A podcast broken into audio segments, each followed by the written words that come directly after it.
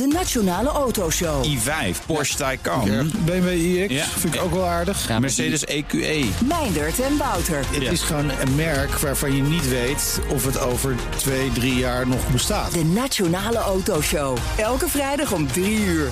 De Nationale Autoshow wordt mede mogelijk gemaakt door Van Mossel. Van Mossel, voor mobiliteit voor iedereen. De Perestrooikast. Een blik op Oost-Europa.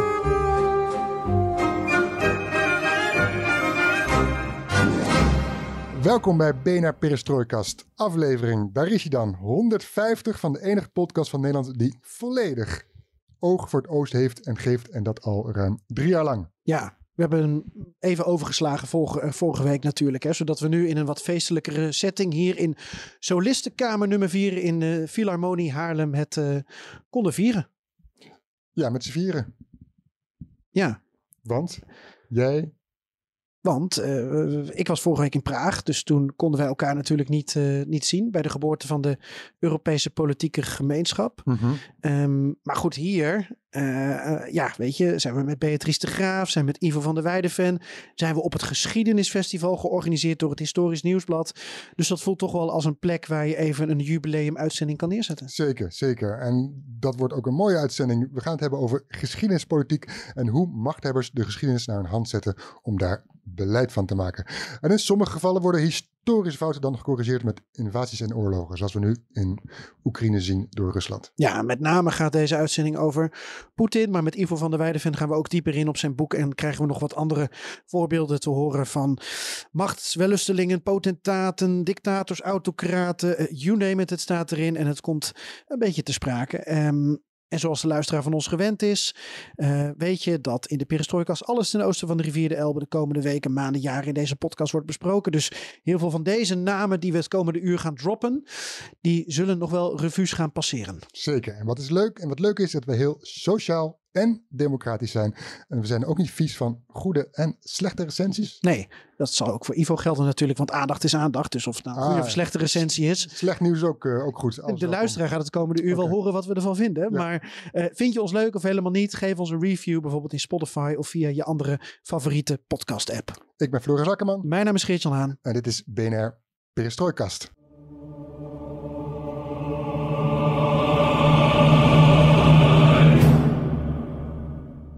De geschiedenis als wapen inzetten. Leiders in de regio van de perestrojkas zijn er niet vies van. Poetin, Orbán, Fujis, Kaczynski, allemaal hemelen ze de historie van hun land op en geven daar een eigen actuele draai aan. Ja, vaak blijft het bij retoriek en historische heimwee. Denk aan het verdrag van Trianon, waar Orbán graag naar verwijst. Eh, we spraken hier met Ivo al over in aflevering 40 van de Perestrojkas. Denk ook aan Vucic, die inspeelt op de slag bij het Merelveld. Uh, PiS-voorzitter Kaczynski heeft het vaak over omringende landen en volkeren die het bestaansrecht van Polen bedreigen. De Duitsers, de Russen, de Joden. Want dat Polen ooit van de kaart is geveegd, dat mag nooit meer gebeuren.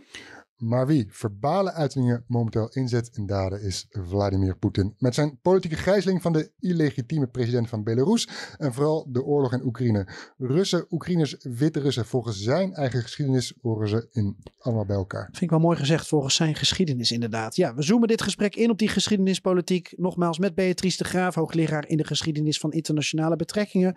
En historicus Ivo van der Weijden. Uh, jullie komen net van jullie lezingen tijdens het Geschiedenisfestival in Haarlem, georganiseerd door het Historisch Nieuwsblad. En uh, voor jullie derde helft en onze eerste, tweede en derde helft aangeschoven hier in de Solistenkamer van Philharmonie Haarlem. Welkom. Ivo, om met jou te beginnen. Je boek, De Macht van het Verleden. Ik heb hem hier. Prachtige yes. kaft ook. Uh, is deze maand uit. Daar heb je bij je lezing zojuist rijkelijk uitgeput en reclame voor gemaakt. Gaan we Rusland, ja, zeker. Polen, die komen uitgebreid uh, aan bod ook in je boek. En um, mijn observatie, zowel Poetin als Kaczynski speelt in op angst. Ja. Um, het land dat uit elkaar kan vallen, door buitenstaanders wordt bedreigd. Een herhaling van de geschiedenis die zich niet mag voordoen. He, dus Polen en Rusland maken allebei ook uh, trouwens van oudsher in ieder geval aanspraak op Belarus en Oekraïne. Met het grote verschil nu dat uh, ja, uh, Rusland was groter, Polen was kleiner. En Rusland gaat over tot actie en Polen in dat opzicht niet. Ik probeer het samen te vatten, maar Ja. zie, ik, zie ik nu iets over het hoofd bij deze landen en hun huidige, huidige leiders die de geschiedenis als wapen zien? Nou ja, als je inderdaad kijkt naar hoe zij de geschiedenis als wapen gebruiken, dan pakken ze eigenlijk allemaal dezelfde verhaallijn. Het is een verhaal van trots op Mhm. iets groots wat er ooit was. Hè? Het Pools-Litouws gemene best in het geval van Polen, het Russische Rijk en eh, de Sovjet-Unie in het geval van, eh, van Rusland. Dat zijn ze kwijtgeraakt, dat zijn ze verloren. Ehm, dat ligt niet aan hen zelf, maar het is hen afgepakt door een externe vijand. Dus beelden van trots, verlies, vijandschap.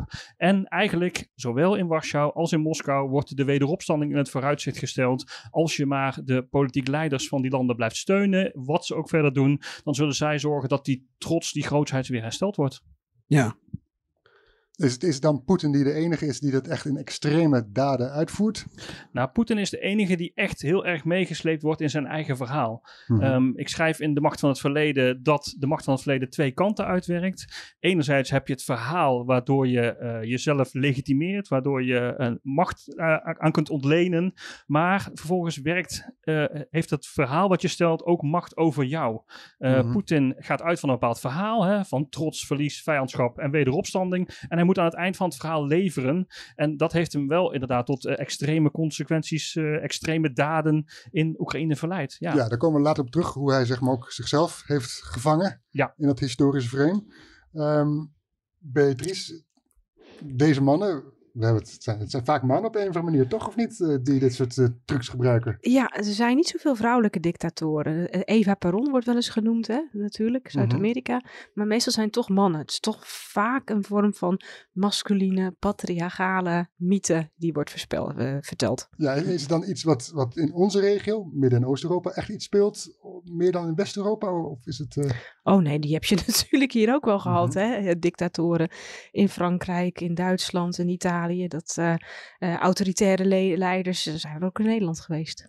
Maar als je kijkt naar nu en hoe nu de geschiedenis als wapen wordt ingezet. eh, we kijken dan natuurlijk ook naar eh, wie eh, Ivo in zijn boek allemaal heeft benoemd. ja, Kom je toch een beetje uit in Centraal- en Oost-Europa? Of moeten we Macron niet uitvlakken? Nou, nee, kijk, je hebt verschillende manieren om de geschiedenis in te zetten. Eh, hè, er is zo'n theorie van Wijk Broeks, die heeft die al een eeuw, een- meer dan een eeuw geleden ontwikkeld.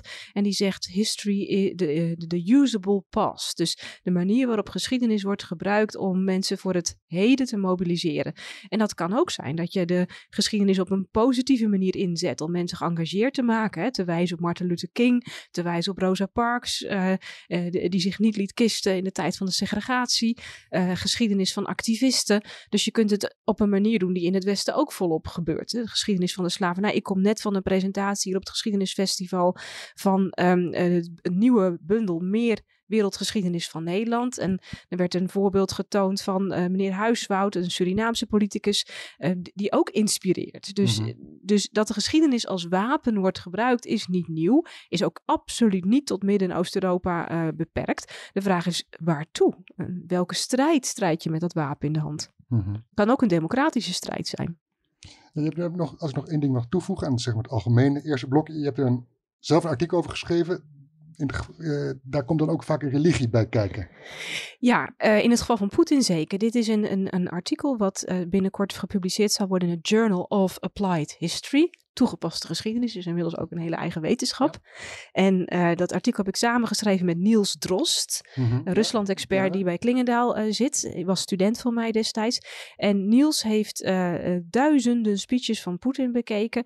En ik heb met hem samen een aantal zoektermen, een aantal begrippen gezocht. En wat mij opviel, ik heb zelf ook ooit een jaar Russisch gestudeerd, is dat al heel vroegtijdig Poetin, eigenlijk meteen al vanaf dat hij president werd in 2000, ehm, referenties maakte naar de godsdienst van zijn moeder, het Russisch-orthodoxe geloof. En dat hij zelf ook zei, ik heb een bijbel in mijn vliegtuig, daar lees ik vaak in, want ik vlieg veel door het land, heeft hij echt gezegd.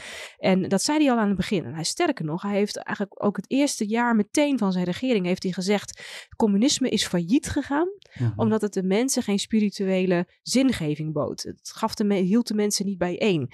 Heeft hij echt gezegd. Hij zegt, de Russisch-orthodoxe kerk doet dat al eeuwen. En doet dat eigenlijk best wel goed. En we moeten eigenlijk terug naar die trits, hè, die eh, in de 19e eeuw ook gold. Autocratie, orthodoxie, nationalisme. Mhm. Dat was het Nicolaas drievoudig snoer. Nicolaas I heeft dat bedacht inderdaad. En Poetin heeft dat ook gewoon weer aangehaald. En heeft er ook gewoon praktisch werk van gemaakt. Door meteen vanaf het moment dat hij president werd... extra kerken te gaan bouwen. Standbeelden van de tsaren op te richten. Dus voor hem is dat één geheel. En dat, dat Russisch-orthodoxe geloof... geeft eigenlijk nog meer diepgang en dimensie... aan zijn vorm van autoritair leiderschap. Misschien kunnen we dan gelijk toch het bruggetje maken naar die drie eenheid. En dan hebben we het over eh, het Oost-Slavisme. Dus de, eh, de Belarussen, de Oekraïners en de Russen. Die ehm, eh, het Oost-Slavische deel zijn van Mhm. de Slavische wereld. En Ivo refereert in zijn boek aan de... Ja, is er een goed woord voor trioen? Is dat drie eenheid? Ehm, je Ja. refereert aan de, aan de Groot-Russen, Klein-Russen en Wit-Russen. Ja. En Poetin die 15 maanden geleden in dat essay... eh, op zijn eh, jaarlijkse telefoneerdag met het Russische volk. ehm, eh, toen gaf hij aan tijdens die telefoneerdag: er komt een essay van mijn hand. Ehm, en je ziet daarin hoe hij eigenlijk echt denkt over zijn regio. En dat hij dat ook als eenheid ziet. Eh, misschien zo bij jou uitkomen, Ivo, maar eerst aan Beatrice dan vragen. Dat essay, is dat gewoon de manier om te lezen wat hij nu in daden heeft omgezet? Even, even vertellen wat het SO, essay kort is? Nou, dat heb ik toch net verteld? Ja, oké. Nee? dacht, eh, Wat nou wil je ja, nog weten, Dat Floris? hij daar, daarin echt zelf opriep van, ja, we zijn één volk en het is allemaal onder één vlag. eh, Ja, en eigenlijk ontkent hij daar een soort van bestaansrecht van Oekraïne. Oost-Slaven zijn hetzelfde. Daar komt het ja. eigenlijk op neer. Ja, plus wat er in dat essay ook echt zit. Er zit een grootse lotsbestemming voor het Russische volk aan den einde op ons te wachten. Als wij ons allemaal onderwerpen aan dat idee van eenheid. En dat betekent dus aan de leider. Eh, maar daar zit dan ook gelijk eh, Gods hand bij die ons dan zal leiden. Eh, hij zelf ziet zich ook als door God aangeraakt. En, en daarmee zullen de Russen ook een verlicht volk zijn op weg naar het nieuwe derde Rome. Want Mhm, dat is, ja. ik zal dat zo even toelichten tegen, en, en het wordt eigenlijk, het gaat van kwaad tot erger. Inmiddels strijdt Rusland niet alleen maar meer tegen de nazi's in Oekraïne, maar tegen de satanisten. En wat, wat Niels en ik in dat artikel laten zien, aan de hand van al die duizenden speeches, is dat Poetin heel simpel geradicaliseerd is. Dus die verwijzingen naar die grootsheid van het Russische verleden, het geloof, dat zat er al meteen in vanaf 2000. Hè, dus dat, dat signaleren we al. Maar vanaf 2004, 2007 komt er ook een, een verharding bij dat eh, het volk ook meer wordt gemobiliseerd om dat te gaan omarmen. Andere ideeën worden buitengesloten. Niet voor niets zijn dat ook de jaren van de eerste kleurenrevoluties en de oorlog in Georgië. Vervolgens gaat het nog een stap verder, worden de tegenstanders gedemoniseerd. Uitlopend op de invasie in Oekraïne. Vind je gedemoniseerd ook alweer een toepasselijk woord? Nou, maar letterlijk gedemoniseerd. Hè? Dus weggezet als duivels en eh, eh, nou ja, fascisten, nazi's. En dan nu zitten we eigenlijk in de apocalyptische fase. Mhm. Dat er dus ook met kernwapens wordt gekoketeerd. En dat er ook wordt opgeroepen. Dus Poetin in dat stadion, eh, waar wanneer was dat voor de zomer? In, eh, volgens mij in maart, april. Ja. Riep hij tot- in, de, in het grote stadion in Moskou alle mensen op om hun leven te geven voor het land. Geen grote goed is het je leven te geven voor hen die je lief hebt. En dat is een letterlijk citaat van Jezus uit het Nieuwe Testament. Dus hij zet zichzelf neer als Messias, maar in plaats dat hij zijn leven aan het kruis geeft, roept hij zijn volgen. Dus het is ook nog een beetje een geperverteerde vorm. Maar eh, vervolgens schetst hij ook van, nou, hè, wij gaan naar de hemel, zij gaan naar de hel. Ze hebben geen eens de tijd meer om zich te bekeren. Wie zich aansluit bij mij is verzekerd van een hè, ticket eh, ja, naar het paradijs. Nou, dat, is, dat is gewoon pure radicalisering. Ik moet ook gelijk denken aan eh Kadyrov en eh, de Tsjetsjenen. Want als ik naar de Russische tv kijk en naar die talkshows, dan eh, letterlijke termen als satanisten heel af en toe valt het. En Poetin heeft het ook onlangs weer in een van zijn speeches laten terugkeren. Maar het zijn dan vooral de Tsjetsjenen of de Tsjetsjeense strijders die het daar, daar telkens over hebben. Dus dat ligt Ja, ook in elkaars verlengde. Simon Jan zei het volgens mij ook op de Russische televisie. Eh, wij gaan naar de hemel en Ja, zij gaan naar de hel. ja. Je hebt gelijk. Ja. Ja, het wordt volop. Het nee, wordt- het wordt echt volop gezet. Wij, wij tonen het ook aan. Het wordt volop en steeds vaker gezegd sinds 2014 en helemaal nu sinds 24 februari. Goh, ik moet er beter op letten. Ja, ik moest zelf niet meteen aan eh Kadyrov denken. Ik moest zelf aan Kirill denken. Ja, Eh, want die rijmde in eh, 2013 al eens eh, ter ere van de eh, Vladimir de Heilige. Was hij in Kiev. En toen, zei hij, toen rijmelde hij eh, eh, groot Rus, klein Rus, wit Rus, samen heilige Rus. Dus het is gewoon, als die eenheid er is, dan krijg je een eh, glorieuze toekomst. Dan eh, is alles weer zoals het hoort te zijn. Dan is het uh, historische Rusland weer verenigd. En dan uh, kan het een glorieuze toekomst uh, tegemoet gaan. En inderdaad, die, die vijanden die die belegerde vesting al eeuwenlang belegeren, eindelijk een keer ja, Morris leren. Ja, klopt. Kirill ziet natuurlijk zijn kans schoon. En daar komt ook nog bij, toch nog heel even ingaand op dat um, derde Rome-idee. Ja, dat is wel een, een, een heel sterk beeld, wat ons misschien niet zoveel zegt, uh, maar wat, wat voor de Russen heel belangrijk is. Um, het derde Rome, dat bouwt voort op het eerste Rome, dat is Rome zelf, dat is uh, het Romeinse Rijk. En dan met name toen het christelijk werd, dus toen uh, keizer Constantijn zich bekeerde. Het tweede Rome is Byzantium. Mhm. Dus de, de, de toorts van het evangelie vertrok toen naar het oosten.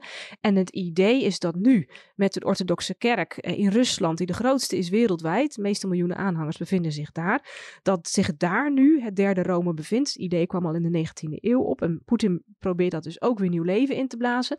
En het, het, het idee is, wij zijn de lichtdragers, de toortsdragers van het evangelie. Het heil komt uit Rusland. Wij hebben het ware geloof. In het Westen zijn ze allemaal decadent geworden. Uh, daar zijn vrouwendominees, daar organiseren ze gay prides, wordt Ja, ook letterlijk gezegd. De hele tijd. Ja, dat Zijn, en eigenlijk is dat gewoon puur satanisme. En het derde Rome, dat zijn wij. En dan moet je ook nog bedenken dat in de theorie van het derde Rome, de keizer van dat rijk, die, die kan ook geen tegenspraak dulden, want die keizer is de catechon. En de het- ons woord catechismus, ja, catechismus komt daarvan. Catechon is degene die orde schept en die de Satan tegenhoudt tot het laatste der tijden, het laatste oordeel, het laatste gevecht zal plaatsvinden. Het is bijna een soort Game of Thrones of Tolkien-achtig Mhm. beeld. Ehm, dus dat de Catechon is de heerser op aarde die namens God en de goden de wanorde en de duivel op afstand houdt. En dat is van oudsher, dat heeft Poetin niet zelf bedacht, dat is van oudsher de keizer van het Byzantijnse Rijk. En Poetin claimt nu die titel voor zichzelf. Ja, net Maar- zoals de tsaren dat voor hem overgesteden. Exact. Die, die theorie Ja. van het derde Rome, dat is, Poetin is wel heel slim in de geschiedenis van Rusland gaan shoppen. Heeft orthodoxie eh, gepakt, inderdaad die drieslag die Beatrice net noemde. En eh, hij heeft daar van alles aan vastgekit ook nog. De grote Vaderlandse oorlog is nu inderdaad een oorlog van goed de Russen tegen kwaad. En dat wordt allemaal in datzelfde eh, frame geduwd van Rusland, wat de wereld veel goed zal brengen en het goede vertegenwoordigt. Maar als eh, eh, Poetin, tsaar, keizer, wat hij ook volgens zichzelf is, dan geen tegenspraak duldt. Hoe moeten we dan plaatsen wat er laatst bijvoorbeeld in Samarkand gebeurde en dat iemand als Xi Jinping of Modi of Erdogan toch zegt, eh, beste tsaar, je moet toch niet te ver gaan met eh, eh, nucleaire retoriek en dat soort dingen, want dan trekken we onze handen van je af. Dat vind ik dan wel interessant. Nou ja, een tsaar wil natuurlijk ook niet zijn eigen, ke- zijn eigen keizerrijk ondermijnen. En Lavrov heeft ook al gezegd van nou we willen gaan onderhandelen. Eh, dus voor Poetin, en dat weet hij ook wel, die nucleaire optie, dat is aan de ene kant natuurlijk het, het ja, Rusland is een keizerrijk met atoomwapens. Dus dat is zijn statussymbool. Zijn, zijn, zijn masculine symbool. Aan de andere kant is het eigenlijk praktisch nauwelijks inzetbaar voor hem. Want dat is inmiddels ook wel uit een treuren uitgelegd. Zelfs met een tactische kernbom kun je niet eh, een vijandig leger vernietigen. Nee, dat snap ik ook wel. Ik Dus het is ook niet zo. Het, het levert voor hem uiteindelijk ook niks op. Dus ja, jij hebt het over tegenspraak, maar hij, Ja. hij ziet dit zelf ook wel. En Oké. daar komt nog bij, en daar gaat mijn boek ook voornamelijk over, dat dit. ehm, ik vraag me heel sterk af, ik kan natuurlijk niet helemaal in het hoofd van eh, eh, Poetin kijken, of hij daadwerkelijk in zijn eigen verhaal gelooft. Eh, het is een heel slimme constructie die inderdaad vanaf 2000, sinds hij aan de macht is, eh, zeg maar, is opgebouwd. Eh, begon misschien met het, eh, het eh, Sovjet-volkslied opnieuw invoeren, met een andere tekst dan weliswaar. Ehm, en de schoolboeken veranderen. Je ziet in die toespraken die Beatrice en Niels onderzocht hebben, dat die inderdaad steeds verder nou, radicaliseert. Ehm, maar volgens mij, en ik weet niet of ik het bij het juiste eind heb, ik denk dat dat een bewuste keuze is om mensen mee te slepen. En zoals ik al zei, hij is bezig met een verhaal wat gebaseerd is op het verleden. En hij is bezig met het volgende hoofdstuk schrijven. En dat moet natuurlijk wel passen bij die eerdere hoofdstukken die hij die, die die in het verleden heeft gezien. Dus ehm, het is ook voor een deel denk ik en hoop ik ook retorisch. En eh, inderdaad dat hij het liefst zijn eigen keizerrijk zal behouden. Is, is, is, Ja. Ja. Ja, ik vind dat ik, eh, fascinerend. Hè? Dit is een hele spannende discussie. Die hebben we ook als je het hebt over terrorisme en radicalisering. Gelooft die terrorist het nou zelf? Dat is altijd de vraag die Ja, ik krijg. Ja. Ja, ik, ik heb dus ook een boek geschreven over wat geloven terroristen. En ehm, Ivo zegt heel terecht van ja, mensen denken en zeker machthebbers, die geven vorm aan hun macht in verhalen, narratieven, ideologie, om de mensen mee te krijgen, te mobiliseren. Maar het is heel moeilijk op een gegeven moment, als dus een machthebber hier al 20 jaar mee bezig is, of 22 jaar, om nog te ontwarren wat die machthebber echt nog misschien stiekem zelf gelooft en wat alleen nog maar retoriek is. En dat is voor Poetin ook steeds moeilijker uit elkaar te houden. Want sommige mensen zeggen, ja, Poetin is een marionet, hij gelooft het niet echt, hij wordt gebruikt. Maar alles en iedereen om hem heen die tegensprak, is weg. Hij is alleen overgebleven. Ehm, ik geloof niet zozeer in de theorie dat er allerlei andere mensen achter de schermen aan de touwtjes trekken. Dit is Poetin zelf. Hij ziet echt zijn lotsbestemming en die van Rusland aan elkaar gekoppeld. Dat is ook een ziekte van veel dictatoren. Dat ze echt denken hè, dat zij alleen nog maar het heil kunnen brengen. Nou, tot aan de endkampverstimming van Hitler aan toe. Als ik niet kan leven, nou, dan heeft het Duitse volk ook geen uh, toekomst. Dus ik, ik ik, misschien heb je gelijk, Ivo. Laten we bijna hopen dat hij niet Ja, echt hopen. Maar het is heel moeilijk om 22 jaar lang of langer nog je vast te bijten in een verhaal en daar alles voor op het spel te zetten. En dan toch te zeggen, haha, stiekem geloof ik dit niet. Dus, dus net zoals ook veel mensen zeggen, ja, beter, jij zegt nou wel dat Poetin christelijk-orthodox is, maar hij is helemaal niet echt christelijk. Dan zeg ik van ja, wie bepaalt er wat christendom is? Kijk naar zeg maar, het Ierse conflict, kijk naar Hongarije, Tsjechoslowakije. Tsjechië en Slowakije, hoe mensen daar het geloof beleven, dat is veel meer verbonden met de etno-nationalistische toekomst van het land, met de geschiedenis van het land. En zo ziet Poetin ook zijn orthodoxie. Dus om te zeggen hij gelooft het niet echt, ik denk dat hij het wel gelooft, maar ik denk ook dat hij een enorm instinct heeft tot machtsbehoud. Dus hij zal niet nu, denk ik, de boel willen laten ontploffen. Nog. Floris, we hebben nog één minuut om een vurig... We hebben langer, we hebben langer, oh, we hebben oh, iets langer. Ja. Oh, oké, er is een verjaardag uitgesteld. Nou ja, over, over, over dat, wat, je, wat eh, Ivo ook zegt, hè, dat begint met het volkslied, eh, de Russische, of de, de Sovjet-muziek, en, eh, en dan eh, breng je terug als volkslied, wel met andere taal, met andere tekst. Ehm jee, dus kan toch het 5 voor 2. nog een keer. Heb je even geoefend? je Sorry, sorry, nee, ik krijg net een appje door. Ik word opgehaald met de auto. Oh, dus ik, hoef, ik hoef niet Nou, met de trein. Oké. Excuses hier. Nee, maakt niet uit, maar we zitten er nee. lekker in. Dus eh, we gaan Ja. gewoon door. Ga gewoon door. Ehm, dan begin je met het volkslied. Hebben, eh, de, de muziek is uit, Sovjet, eh, uit de Sovjet-tijd. De, tekst is anders in, eh, op, op, op Rusland gebaseerd. Hij heeft dat, die wapens, eh, dat embleem van het symbool, eh, brengt hij in in begin 2000 als hij aan de macht komt. Is hij dan wel al bewust bezig om helemaal dat historisch frame zo uit te bouwen tot aan nu? Weet hij dat al van tevoren? Of is dat wat gaandeweg dan toch zich ontwikkelt? Ja, ik denk dat het een eh, bewuste opbouw is. Ehm, je ziet ook vrij snel al eh, ehm, dat de schoolboeken onder handen worden genomen. In, eh vrij snel als aantreken in 2004 voor het eerst. Daar is hij telkens mee bezig geweest. Ehm, je hebt als je in Moskou bent en tegenwoordig ook in de 25 eh, andere of 24 andere grote steden van, van Rusland. De tentoonstelling Rusland, mijn geschiedenis. En dat is overigens samen met de Russisch-Orthodoxe Kerk eh, worden die eh, tentoonstellingen georganiseerd. En daarin zie je al heel snel dat beeld van een duizendjarige geschiedenis van Rusland, wat altijd belaagd wordt door vijanden. En toch, ja, dat. eh, die christelijke rol, de, dat derde Rome, de, de, de Russische, hoe heet het ook alweer in de, in de grondwet, de spirituele waarden Mhm. eh, verdedigt. En ehm, ja, je ziet toch dat dat bouwwerk is steeds verder uitgebouwd. En ehm, er is ook steeds minder ruimte voor tegenspraak. In eh, De Macht van het Verleden schrijf ik ook dat er eh, wetten worden aangenomen om dat juiste beeld eh, ehm, te, ja, te verankeren. En kritiek, vooral op de Grote Vaderlandse Oorlog, vooral op Jozef Stalin, om dat zeg maar weg te houden.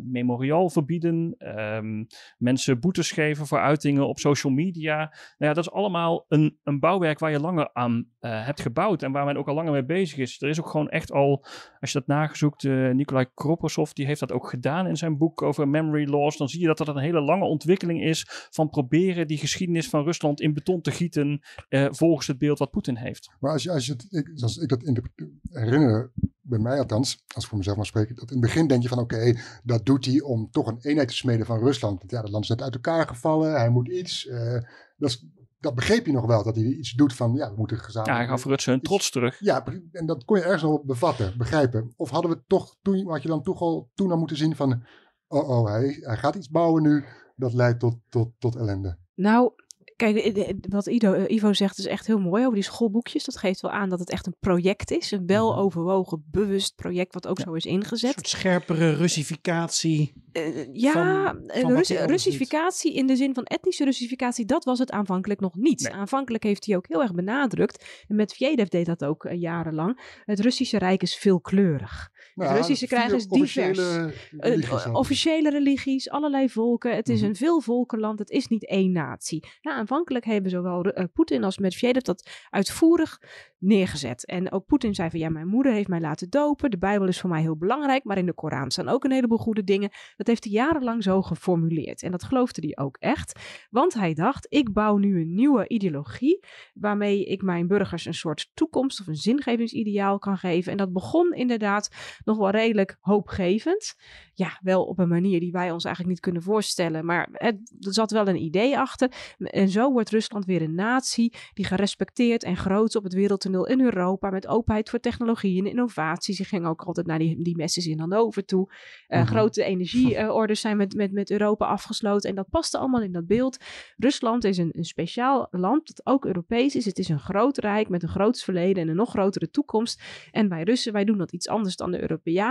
Wij omarmen ook een, een, een lotsbestemming, een geloofsbestemming. En dat postmoderne, daar moeten we niks van weten. Maar dat is langzaam dus gekanteld. En eigenlijk is Poetin een beetje in die fuik gezwommen. Omdat hij dit beeld, die ideologie, die levensbeschouwing, kon hij niet staven met sociaal-economische verworvenheden. Mhm. Dus er kwam orde, er kwam veiligheid, er kwam rust. Maar het ging, eh, en het ging aanvankelijk ook wel wat beter met de middenklasse in, in Rusland. Maar de corruptie tierde welig. De Tsjetsjeense oorlog liep al vrij snel uit, eh, daarvoor al, maar het bleef maar, maar woekeren. Ehm, in 2004, dus die kleurenrevolutie, 2007 oorlog in Georgië, 2011 is voor Poetin zelf ook een belangrijk kantelmoment geweest. Toen er die grote demonstraties in Moskou plaatsvonden. ja. ja. En eh, de jongeren ook aangaven, ja, maar dit is niet ons Rusland, dit willen we niet. En dan krijg je daarnaast, hè, parallel daaraan, daar hebben we het nog niet over gehad, maar dat wordt natuurlijk vaak in het Westen gezegd, de uitbreiding van de NAVO. Maar ik vind het wel heel goed hoe wij het gesprek nu insteken. Hè, de, de, de, de agency ligt bij Poetin zelf. En dus, dus niet de NAVO of de verhalen van de Agency? je Ja, de, het, het handelingsperspectief ligt bij Poetin zelf. Poetin kiest voor deze route. En er wordt nu wel eens gezegd door westerse mensen van ja, het ligt allemaal aan de NAVO en die is te snel uitgebreid en het is Bush en Baker en nu Biden weer. En daarom moet die Poetin wel in het defensief. Mhm, Nee, mhm. dit is hij zelf begonnen in 2000. En dan zoekt hij vijanden erbij om zijn eigen project te legitimeren. En vervolgens toen, het Ja. dus niet, toen, hij, toen hij niet kon leveren aan zijn bevolking en er steeds meer opstandigheid kwam, toen schoot hij eigenlijk weer een beetje terug in de- toch een beetje die communistische mal. Onrust in het eigen land moet wel sabotage van buiten zijn. Want dat kan niet vanuit Rusland zelf komen. Dus er werden er bijvoorbeeld allerlei buitenlandse organisaties verboden, maar ook Russische organisaties werd van gezegd van ja, jullie zijn agenten voor het Westen. Dus oude spionagewetten werden weer uit de stal gehaald. Vijfde kolonne kwam Vijfde terug. Kolonne idee, precies. Vijfde Mhm. kolonne idee kwam weer terug. Eh, en ja, dat is dus verder geradicaliseerd tot het Westen en de buitenlanders en de Oekraïners en iedereen die ons eh, een één strobreedte in de weg legt, zijn sowieso satanisten. Mhm. Ja, dat is ook heel mooi om te zien, hè? Dat, dat hele geschiedenisbeeld wat hij dus op heeft getuigd in al die jaren. Er zijn ook echt dingen die hij eruit heeft gelicht en andere dingen die hij weg heeft gelaten. Beatrice heeft het over de kleurenrevoluties. nou, 2017 eh, dacht iedereen hier van, oh, dit wordt de 100 jaar Russische revolutie. Het begin van die Sovjet-Unie die Poetin zo geweldig eh, vindt. Hè, toen ze eh, inderdaad als grootmacht gerespecteerd werden. Maar in Rusland niets. Geen herdenkingen. Ja, misschien wat academische fora. Want eigenlijk, hè, als iedereen met rode vlaggen gaat zwaaien, is het ook een kleurrevolutie. Is het ook een revolutie waarbij een sterke man wordt weggevaagd, weggezet eh, uit zijn paleis. Nou, dat wilde Poetin niet gaan benadrukken dat dat in Rusland ook gebeurd was. Dus dit is gewoon echt een heel selectief beeld. Wat hij inderdaad uit vrees wellicht voor innerlijke stabiliteit van Rusland eh, voornamelijk heeft opgezet. En daar past natuurlijk een externe vijand heel makkelijk bij. Dus die ga je dan in de geschiedenis zoeken. En die vind je dan uiteindelijk ook nog in eh, de NAVO nu. Die nog Mhm. steeds dan vanuit het Westen Rusland bedreigt. Zoals dat eeuwenlang, duizend jaar lang volgens de Russen of volgens Poetin eh, al gebeurd is. Je ziet ook vaak filmpjes als de Russische jongeren bijvoorbeeld eh, bijeenkomen voor eh, een social media project of iets in Rusland. Eh, dan worden de verschillende ja, nationaliteiten of etniciteiten benadrukt. Maar dan, dan gaat het om, om iedereen die in Rusland woont. Of je nou ja. Litouwen bent of Tataar. Ja. Of je nou Moldavië Hm. bent of Tsjetsjeen. Alles passeert de revue als onderdeel van dat nou ja, rijk, misschien wat jij benoemt, Beatrice, waarin iedereen gelijk kan zijn. Ja, en dat is een soort sociaal contract hè, dat hij de mensen aanbiedt. Maar niet uit waar je vandaan komt. Je moet je handtekening hier bij het kruisje zetten. En dan krijg je van ons een ticket naar dat grootste Russische Rijk en die gezamenlijke Mhm. toekomst. Eh, terwijl je dus nu wel ziet dat meer en meer eh, dat idee van het Russische Rijk ook wel ultranationalistische ondertonen krijgt. En hè, eh, er wordt wel vaak gezegd van nou het Azov-bataljon Oekraïne. En bij de Oekraïne vechten nazi's. Maar de echte swastika's en de echte extreemrechtse eh, symbolen en emblemen. En ook al die filmpjes die van het slagveld zijn gemaakt. Zo echt idioot wat je allemaal vindt op social media. Ook Russische soldaten zelf. Wat ze allemaal filmen. En dan zeggen ze zelf ook, wij zijn de Arische supermensen. En wij strijden de strijd tegen de apen en tegen de, hè, de, eh, mensen zonder beschaving. Dus ze maken zelf misbruik, gebruik van, van, van die terminologie. Ja, ja, precies. Poetin heeft al een strijd tegen de nazi's. Denazificatie, wat hij in het, eh, wat hij voorop zet. Maar vervolgens zijn onderdanen gaan nog eens met dat verhaal nog een stapje verder aan de haal. En halen dan eh, eigenlijk precies wat Poetin er niet uit zou willen halen uit. Wat ik ook alweer fascinerend vind als we terugblikken op 15 maanden geleden. Dat essay waarin eigenlijk eh, alle Oost-Slaven gelijk zijn. Ja. Maar vervolgens kom je dan toch weer uit negen maanden later bij dat heel veel Oekraïners nazi's zijn. En nu weer terroristen. Het frame verandert ook telkens En wat maar uitkomt op tv. ja. En satanisten. Ja. Dus Ja, hoe rijmt dat dan weer met je essay van 15 maanden terug? Gaat dat dat dan zijn puur om grond? dat zijn dan vooral de, de Oekraïners die zich verzetten eh, tegen Zijn er eh, nogal die veel. eenheid. Die, die, ja, dat, dat, dat, dat zal Poetin nu ook eh, denken. Wellicht dacht hij toen eh, dat mensen zich door dat essay al zouden laten overtuigen. En als je nog wat tanks aan de grens zet, dan wordt het helemaal duidelijk. Maar ja, het klopt dat hij, dat hij eigenlijk als gevolg van zijn eigen daden is Oekraïne steeds Oekraïenser geworden en de Russen misschien steeds eh Russischer. Ja, Ehm, maar goed, hij kan het altijd nog retorisch goed praten door te zeggen, ja, dat is een anti-Russisch project. Hè. Dat stond ook in het, eh, in het essay en zeker ook in die toespraken in, eh, in februari die hij hield eh, vlak voor de oorlog. En toen hij hem eenmaal aankondigde, of nee, zijn speciale militaire operatie, moet je natuurlijk volgens hem zeggen. Maar daar zit ook... kun je hier gewoon oorlog noemen. Ja, land, je mag het hier gewoon oorlog noemen. Hè? Ja, nee, maar dat... Ze eh, luisteren eh, toch al mee via mijn hij- hij telefoon. heeft het niet in zijn mond genomen natuurlijk. Dus eh, dat, eh, nee, maar in ieder geval eh, een anti-Russisch project. Hè? Dus die, eh, die nazi's, dat wordt natuurlijk allemaal door die satanisten bestuurd die als eh puppet masters achter de schermen zitten. Dus dat die Oekraïners niet nu zich tegen hem verzetten, dat kan hij altijd nog rechtbreiden door te zeggen van ja, maar dat, eigenlijk willen ze dat wel, maar ze worden verleid hè, om ook Ja. maar weer een... eh, ze worden gesteund door de NAVO nu. Daar bevechten nu tegen Ja. de NAVO. ja, ja. ja. Ja. Maar is het dan zo dat je het historische frame opbouwt in 2000? Met het volkslied, met die, met, die, met die symbolen. Dat het uiteindelijk zo ver komt dat er niks anders kan dan een oorlog te beginnen tegen in Oekraïne. Ja, hij had natuurlijk gedacht dat het geen oorlog hoefde te worden. Hij had gedacht dat hij precies hetzelfde kon doen als in Tsjetsjenië. Dat hij precies hetzelfde kon doen als in Georgië. Dat hij gewoon kon intimideren. eh, wat troepenbewegingen, wat annexeren. Hè, met de groene mannetjes, ehm, eh, vage referenda. En dat je het dan wel geregeld zou hebben. Dus hij heeft dus gewoon de hè, veerkracht van het Oekraïense volk gigantisch onderschat. Hij heeft ook de NAVO en Europa onderschat. Ik vind het wel interessant. Sorry, maak je verhaal Ivo. Dan, dan kom nou ik ja, heel kort. Ja, eh, hij dacht ermee weg te komen. En ehm, hij heeft de deksel op zijn neus gekregen vooralsnog. En hij likt nu zijn wonden en bezint zich op wat hij nu eh, dan toch moet gaan doen. Om toch uiteindelijk die wederopstanding en die overwinning te kunnen presenteren. Want wat jij zei, eh, hij zit dus wel vast in dat verhaal wat hij eh, vanaf 2000 heeft opgebouwd. Of hij dan geradicaliseerd is. Of dat hij dan eh, wel gedwongen wordt eh, door zijn eigen verhaal om het volgende hoofdstuk te schrijven. Maar los wat ook dan de uitkomst van die discussie is, hij zit er vast in en hij zal door moeten op de weg Ja. die hij gekozen heeft. En, of laat moest het wel tot een oorlog komen eigenlijk. Dus. Nou nee, dat, Nou, dat dat, is niet. probeerde ik dus net te zeggen. Hij dacht dat hij hiermee kon wegkomen door hè, met een annexatie op nieuws- en machtsblok iets uit te breiden. En hij had gedacht dat het niet tot een oorlog hoefde te leiden. Maar doordat hij daarmee is begonnen, hij heeft dat spel gespeeld. Hij heeft het risico genomen. Eh, doordat hij dat spel is gaan spelen en de NAVO en de EU en met name Oekraïne natuurlijk niet hebben toegegeven, zit hij nu vast in die escalatie. En wat eigenlijk nog veel erger is, de Russen zitten allemaal daarin vast. En wat je Poetin nu ziet doen, is misschien al niet eens meer zozeer gericht op Oekraïne. Ze geven al toe, we moeten gaan onderhandelen. Maar is vooral gericht op de eigen bevolking. Die moet hij nou onder controle houden. Dus die worden massaal opgepakt. Die belanden in de gevangenis. Die worden intern nu ook gemarteld. Oppositie is allemaal uitgeschakeld. Dus ja, dit, dit, dit, dit zou nog wel eens kunnen zijn dat, dat die grote delen van Oekraïne blijven terug moet geven. Maar Rusland zelf zal veel meer op slot gaan. Dus de, de toekomst voor de Ja, Russen zelf is somber, diep duister. Ik vind het wel bijzonder. Geert-Jan pakt Ivo's boek er even bij. Ja, omdat we hebben het over de geschiedenis politiek wapen. En in dat boek van Ivo gaat het natuurlijk ook veel over het gedrag van leiders. eh, Ja. Autocraten, eh, dictators. En dan kijken we naar wat Poetin allemaal bedacht heeft. En dan komen we uit bij de begindagen van de oorlog. En dat Zelensky tegen het advies van de Amerikanen in besluit om te blijven. En daarmee eigenlijk lijkt het wel dat het hele plan van Poetin misschien heeft dwarsgezeten. Want hij heeft besloten te, te blijven. Dat heeft tot een enorme motivatie bij het volk geleid. Iedereen wilde ineens strijden voor Oekraïne. De wolk over die, die gepland stond, die kwam er niet. Misschien, als ik het marginaliseer. maar tot, omdat één iemand besloot om zijn post niet te verlaten. En dag in dag uit filmpjes te maken vanuit buiten. Zo van, ik blijf hier, ik ga niet weg. Ja, het zou zomaar kunnen. De, er is een heel eh, ja, aantrekkelijk, wil ik het niet zeggen, maar in ieder geval een heel sterk ander verhaal vanuit Oekraïne, wat uh, Zelensky inderdaad uh, met vaardigheid weet te vertellen. En um, dat gaat inderdaad lijnrecht in tegen het verhaal wat Poetin vertelt. Um, of hij nou daadwerkelijk door dat ene besluit van ik heb geen lift nodig, maar munitie, uh, daardoor de oorlog heeft veranderd, dat, dat weet ik niet. er zijn veel meer factoren die in een oorlog een rol spelen. Maar wat wel zo is, is dat de Oekraïners een heel sterk eigen verhaal hebben, wat lijnrecht tegenover dat Russische verhaal staat. Daar ga ik in mijn boek ook op in. Hè. Zij hebben een heel ander beeld van die duizendjarige geschiedenis uh, die uh, uh, Oekraïne en Rusland volgens Poetin zouden delen. Ja. en wat zij daarvan ja, vinden. Ja, dat schrijf je volgens mij vlak na, die, na dat stukje over die trioen. Volgens mij ja. heb je het dan over Oekraïne. Hebben we nog iets afsluitends voor het blok met Beatrice?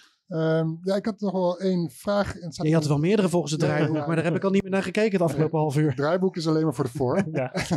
een soort van houvast. um, maar misschien wel een gezamenlijke vraag, Jan, want wat het toch fascineert nog altijd, um, het gaat over jongeren.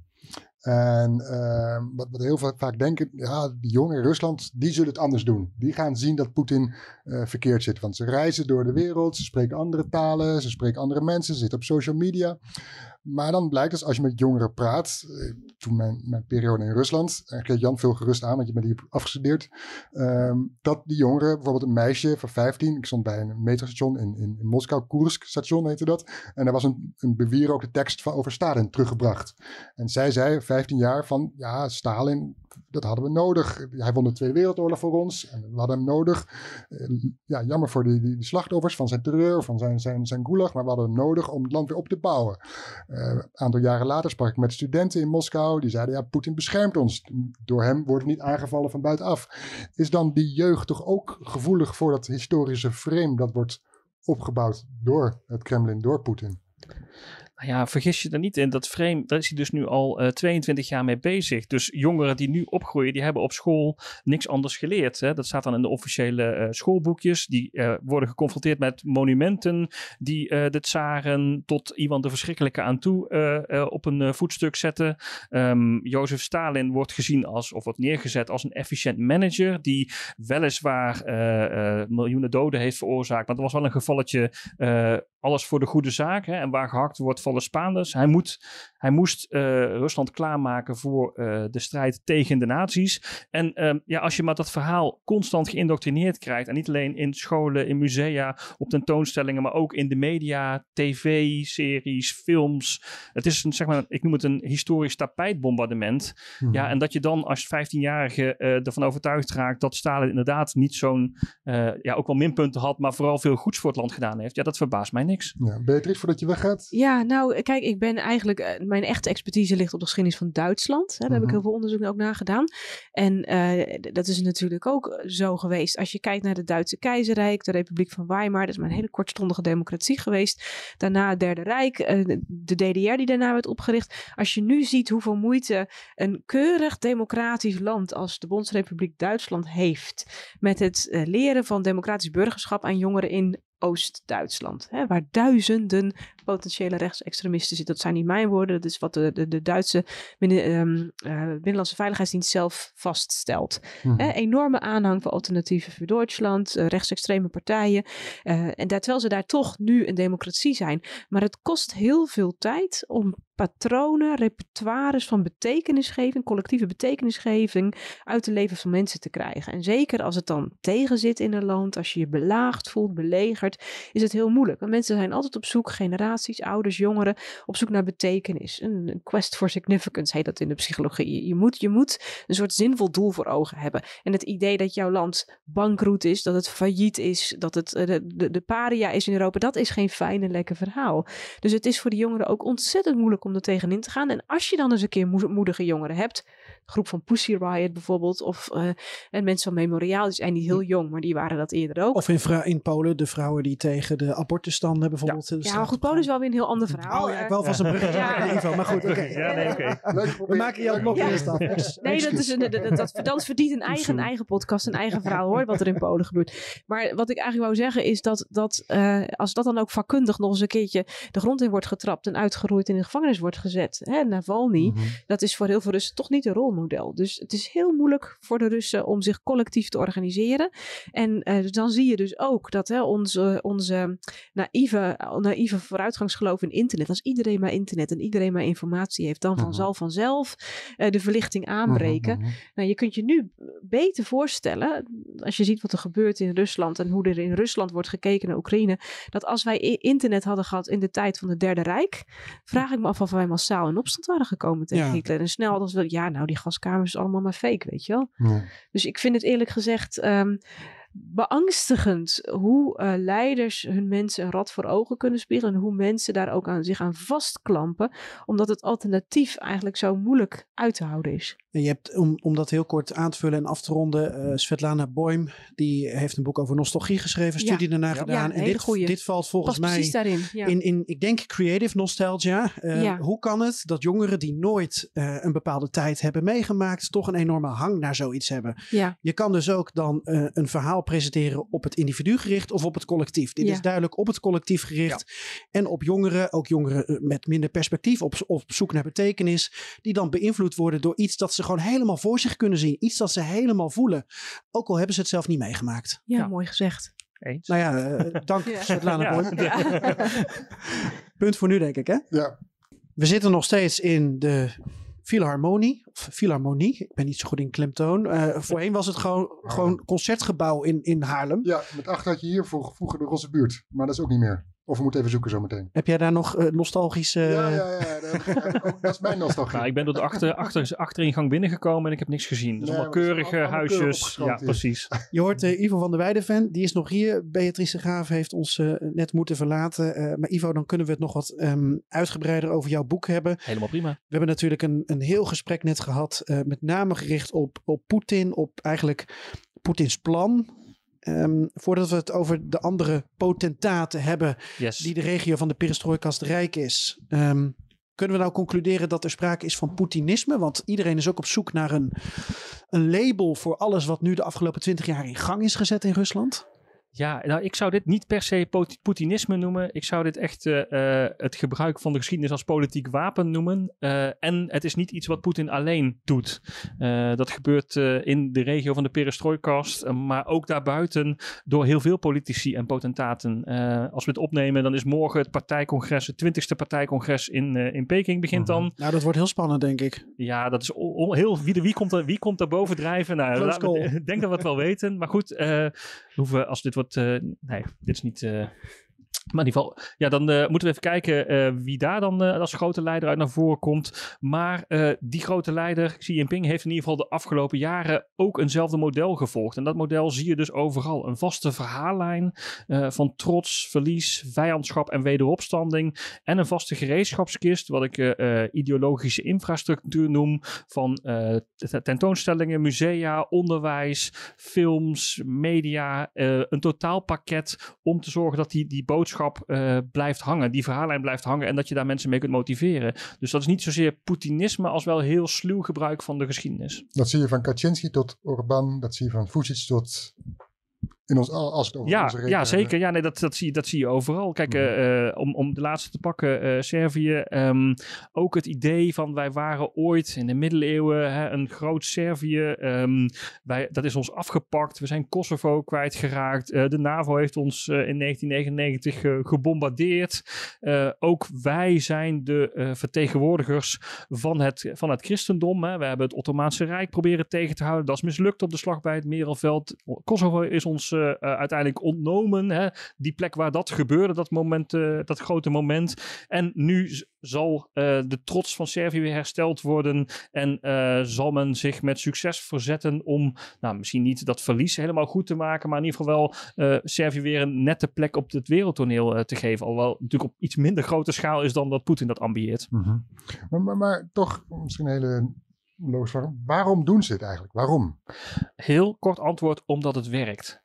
Eh, we hadden het net al even over nostalgie en nostalgische gevoelens. En eh, nou ja, de wereld, als je het heel poëtisch zegt, is een beetje op drift geraakt. Je hebt ontwikkeling als globalisering, eh, eh, secularisering ehm, en eh, dingen als een coronapandemie. En dit soort verhalen biedt mensen een houvast. Grip. Ja, grip. Het is, het is vaak een hele makkelijke verklaring voor alle problemen waar je mee te maken hebt. Hè. Eh, het gaat nu helemaal niet zo goed met ons land, omdat we van buitenaf worden eh eh, dwarsgezeten, worden aangevallen.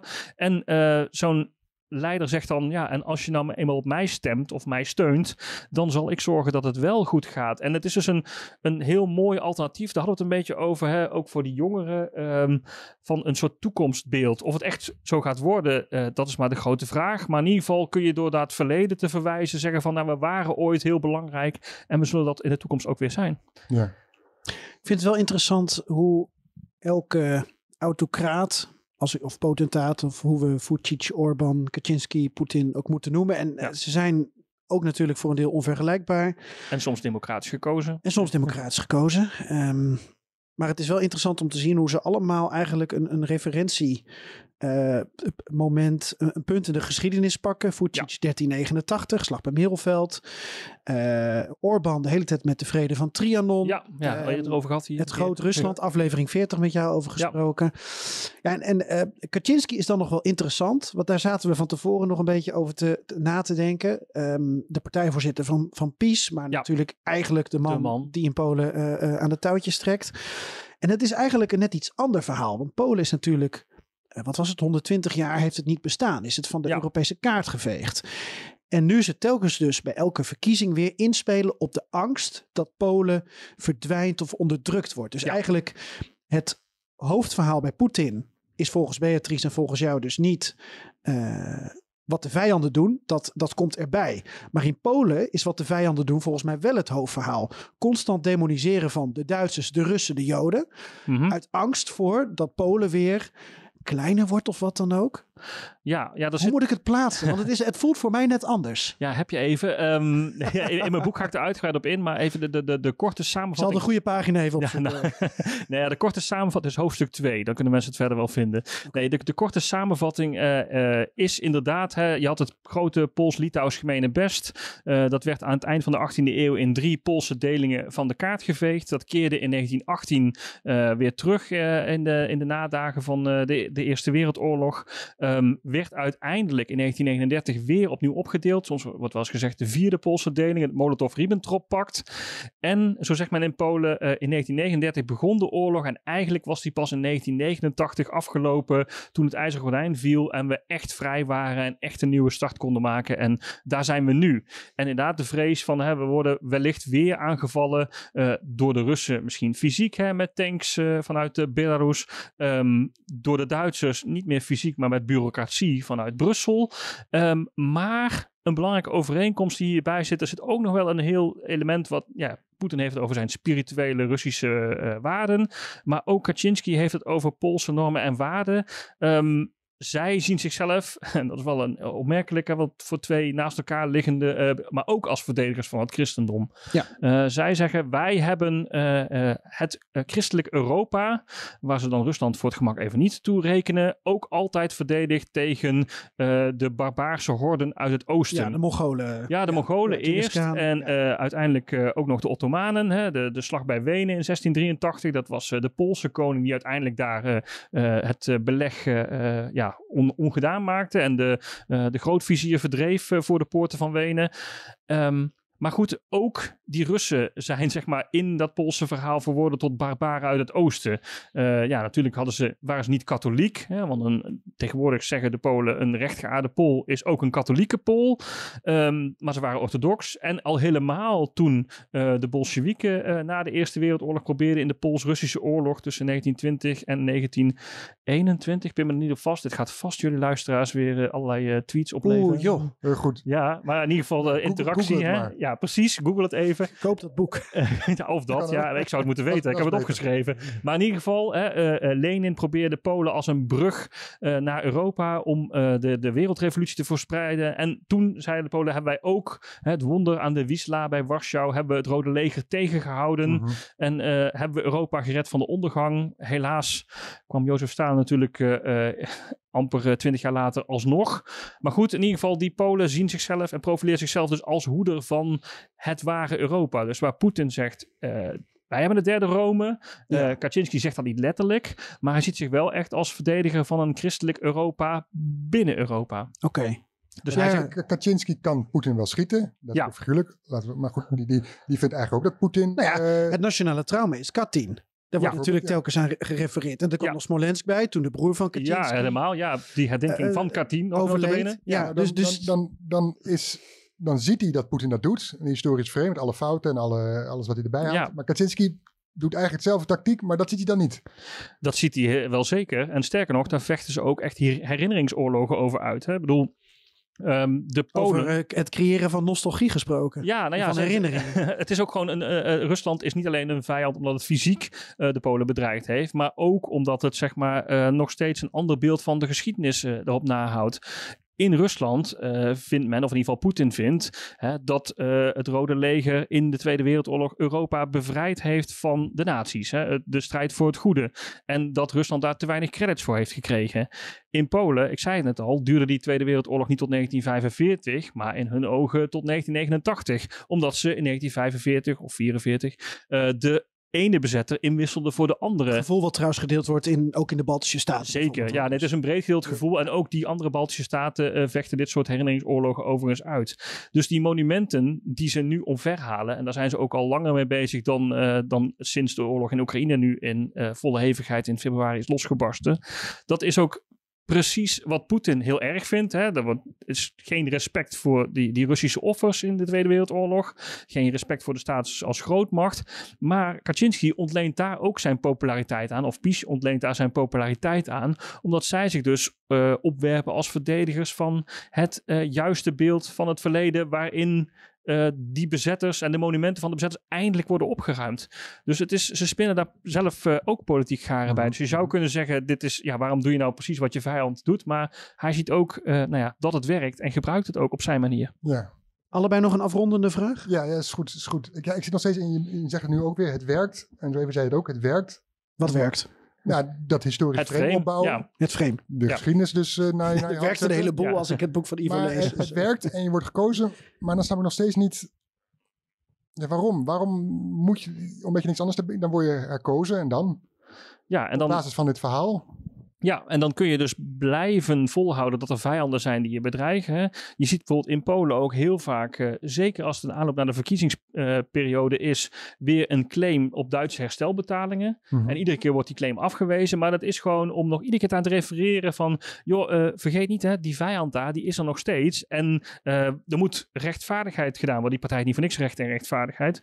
Dus er moet nog steeds, zeg maar... Boete gedaan worden door de Duitsers. Die moeten nog steeds betalen voor alles wat ze ons hebben aangedaan. Want wij zijn toch eh, dat als trots Pools volk gepiepeld in het verleden. Dus het, ehm, ja, je kunt zeggen, dan word je gekozen. Maar dan houden ze niet op met dat eh frame neerzetten. Dan, dan blijven ze daarmee doorgaan. Omdat je wat, nu levert, eenmaal wat levert het op? Niks. steun. Politieke Ja. steun. En eh, eh, ja, dat is, het, is heel, het is heel cynisch. Hè? Het is een heel eh, cynisch verhaal ook. Een heel cynisch gebruik van het verleden. Beatrice had er ook over dat je de geschiedenis voor een positief doel kan aanwenden. Door naar positieve voorbeelden te verwijzen. En je ziet bij machthebbers in Rusland, in Polen, in Hongarije, in Servië, in Bosnisch-Servië. Zie je helaas dat ze alleen maar die negatieve kanten, die negatieve sentimenten eruit lichten. Mhm. En ehm, ja, dat is gewoon een, een, een vijandbeeld wat ze nodig hebben om zichzelf op te kunnen werpen als verdediger. En dat blijven ze doen, helaas. Ja, mijn afrondende vraag, Ivo, heeft dan toch te maken met hoe we in Nederland bijvoorbeeld met ehm, autocratieën en potentaten om zouden moeten gaan. Eh, in Nederland is sinds 2019 een, een Rusland-strategie, of eigenlijk was dat de Ruslandbrief van Stef Blok. Mhm. Nou, daar wordt aan gewerkt om dat volgend jaar te vernieuwen. Lijkt me ook niet meer dan logisch gezien de huidige ontwikkelingen. Er wordt ook gezegd, we hebben misschien een Oekraïne-strategie nodig. Ja, ik ken nog wel een paar strategieën waar we misschien aan zouden kunnen moeten werken. Uh, alleen al uh, bijvoorbeeld Turkije, omdat uh, ja, Erdogan natuurlijk een hele interessante rol speelt. Maar ook omdat we nu met Azerbeidzjan, dan komen we weer bij potentaat Aliyev uit, in zee gaan voor gas voor de komende jaren. Ja, ja wat als daar dan weer een discussie ontstaat over tot welke hoogte mag je met iemand zaken doen en wanneer wordt het onhoudbaar politiek of, of vanwege mensenrechten gezien. Hoe kijk jij ernaar als, um, als we het hebben over strategieën? Moeten we in Nederland, en even los van de politieke haalbaarheid, mm -hmm. hè, uh, moeten we het niet veel vaker hebben over een Hongarije-strategie? Een Servië-strategie. Misschien ook wel een Litouwen-strategie. Want we, we, gooien alles maar op één hoop. Jij probeert dat in jouw boek zo goed als elkaar als het kan nog een beetje te scheiden van elkaar. Hoe moeten wij, hoe moet de luisteraar dat allemaal plaatsen? Hoe moeten we ermee omgaan? Ja, dat is echt een, uh, dat dacht je van even een slotvraag. Maar dat is nog een... Uh, je, Volgend boek heb ik ja, deze ja, voor je. Dat, dat, dat, ik denk het ook, ja. Nee, maar dit... Uh, um, maar het is wel wezenlijk, lijkt mij. Nou ja, kijk, wat, wat, wat jij zegt, hè, we zouden voor ieder land eigenlijk een afzonderlijke strategie moeten, moeten hebben. Nou ja, wat ik daar dan bij denk en wat ik probeer te doen is, kijk, die verhalen die uh, werken ook omdat je, uh, ze zijn zeg maar sluitend. Als je je daartegen gaat verzetten, als, je, als jij vanuit Nederland hè, als onderdeel van je strategie zou gaan besluiten, we gaan ons uitspreken tegen uh, die Russische strategie, dan zal Poetin zeggen, ja maar kijk, zie je wel, dit is weer kritiek vanuit het Westen op onze geschiedenis, dus ze vallen het weer aan. Hè. Zelfs een, een kritiek op de geschiedenis is, is een aanval op die geschiedenis en, en past in dat frame. En um, wat dus belangrijk is, denk ik, en waarom je dus inderdaad misschien, ik zou niet meteen strategieën noemen, maar wel aandacht voor het verleden van al die landen waar je mee binnen de Europese Unie en buiten de Europese Unie moet dealen, om te kennen waar ze vandaan komen. Want, uh, en vooral ook hoe zij hun eigen verleden zien. Want wat ik ook probeer te betogen is dat um, in mijn boek is dat als je gaat kijken waar Poetin vindt dat hij vandaan komt, dat geeft ook wel een beeld waarvan je denkt dat hij naartoe moet. En zo is dat ook voor Jaroslav Kaczynski, zo is dat ook voor Xi Jinping, zo is dat ook voor Erdogan, die staat ook in het boek. In ieder geval, dat geeft dus begrip. Dus of je nou per se meteen een strategie moet opstellen, dat weet ik niet. Maar wat je in ieder geval wel moet doen, is de geschiedenis van al die landen waarmee je toch moet dealen op het wereldtoneel in die geopolitieke chaos om ons heen. Dat is heel belangrijk, omdat ja, machthebbers ontlenen status aan het verleden, hebben daar een bepaald beeld van, maar dat zegt ook heel veel over waar ze naartoe willen. En als je dat wil weten, dan moet je toch echt de geschiedenis kennen. Dus dan zou je kunnen zeggen, we weten dan ook waar Poetin naartoe wil? Nou ja, we hebben helaas gezien wat nu voorlopig even de, de, de, de, het eindpunt van zijn verhaal, van in ieder geval het nieuwe hoofdstuk in zijn verhaal is. Oké. Ja, we houden hem natuurlijk voor een deel tegen in dat verhaal. Ja. We bieden weerstand. Ja. En de Oekraïners voorop. Dus. Zeker. God, nog zoveel te bespreken. ja. Nog zoveel hoofdstukken te lezen. Ja. Nog zoveel van het draaiboek eigenlijk uh, te vragen. Ronden we hem af? Ja, dat niet alleen. Mijn hoofd tolt van alle vragen. Ja. Ja, nou ja, we, we kunnen nog doorgaan, maar dan moeten we twee We ronden hem af. En dan gaan we het met Ivo een andere keer zoals we wel vaak met onze gasten beloven, kom gezellig een keer terug. Ik denk met Polen, weet je, binnenkort de, de verkiezingen en uh, maakt Tusk kans. Tusk strijdt natuurlijk eigenlijk tegen het beeld van het verleden dat nu uh, gecreëerd is. Ja. En hij staat voor een ander Polen. Kans, dat verkoopt hij dan. Ja, maar daar moeten we dus een volgende podcast ja, ja, ja. over hebben. Oké. Okay. Nummer 100 en zoveel. Hebben we nog een mop? Wie weet. Wie weet. Dankjewel uh, Ivo van der Weijden voor je bijdrage en je fantastische boek. De macht van het verleden. Geschiedenis als politiek wapen. En wat had Beatrice ook alweer geschreven, Floris? Ik moet het eventjes opzoeken. Je stuurde het een uur voor de uitzending naar mij door. Dus ik kon het niet meer. In mijn, mijn verwachtingen van jou zijn ho zo hoog dat jij het wel even je stotje neemt. Zo'n stuk. Putin and the Third Rome. Imperial Eschatological Motives as a Usable Past. Niels Drost en Beatrice de Graaf. Juist. En dank ook aan het Geschiedenisfestival hier in Haarlem. Ik heb er niks van gezien. Was historisch nieuwsblad. Ik zag alleen wat aanplakbiljetten. en het historisch nieuwsblad voor het tot stand komen van dit gesprek uh, volgend jaar in de volle zaal. Ja, we waren hartstikke welkom. Het liet, uh, onze eigen agenda liet het niet helemaal toe. Maar heel mooi dat we hier even in Solistenkamer nummer 4 ja. konden praten met, met Ivo en Beatrice. Ja, zeker. Hoe begin je deze dagen in Rusland te mop over Poetin? Over je schouder kijken?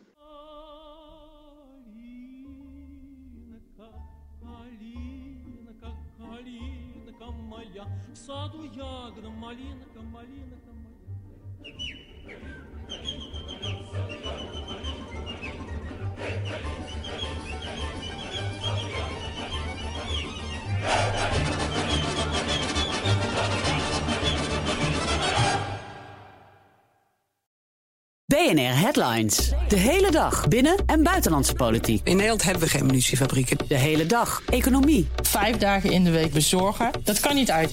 De hele dag technologie. Amerikanen weer op de maan. Heb je eigenlijk geen tijd, maar wil je toch op de hoogte blijven? BNR Headlines. Het laatste nieuws, maar dan in het kort. Ga naar je podcast-app en abonneer je op BNR Headlines.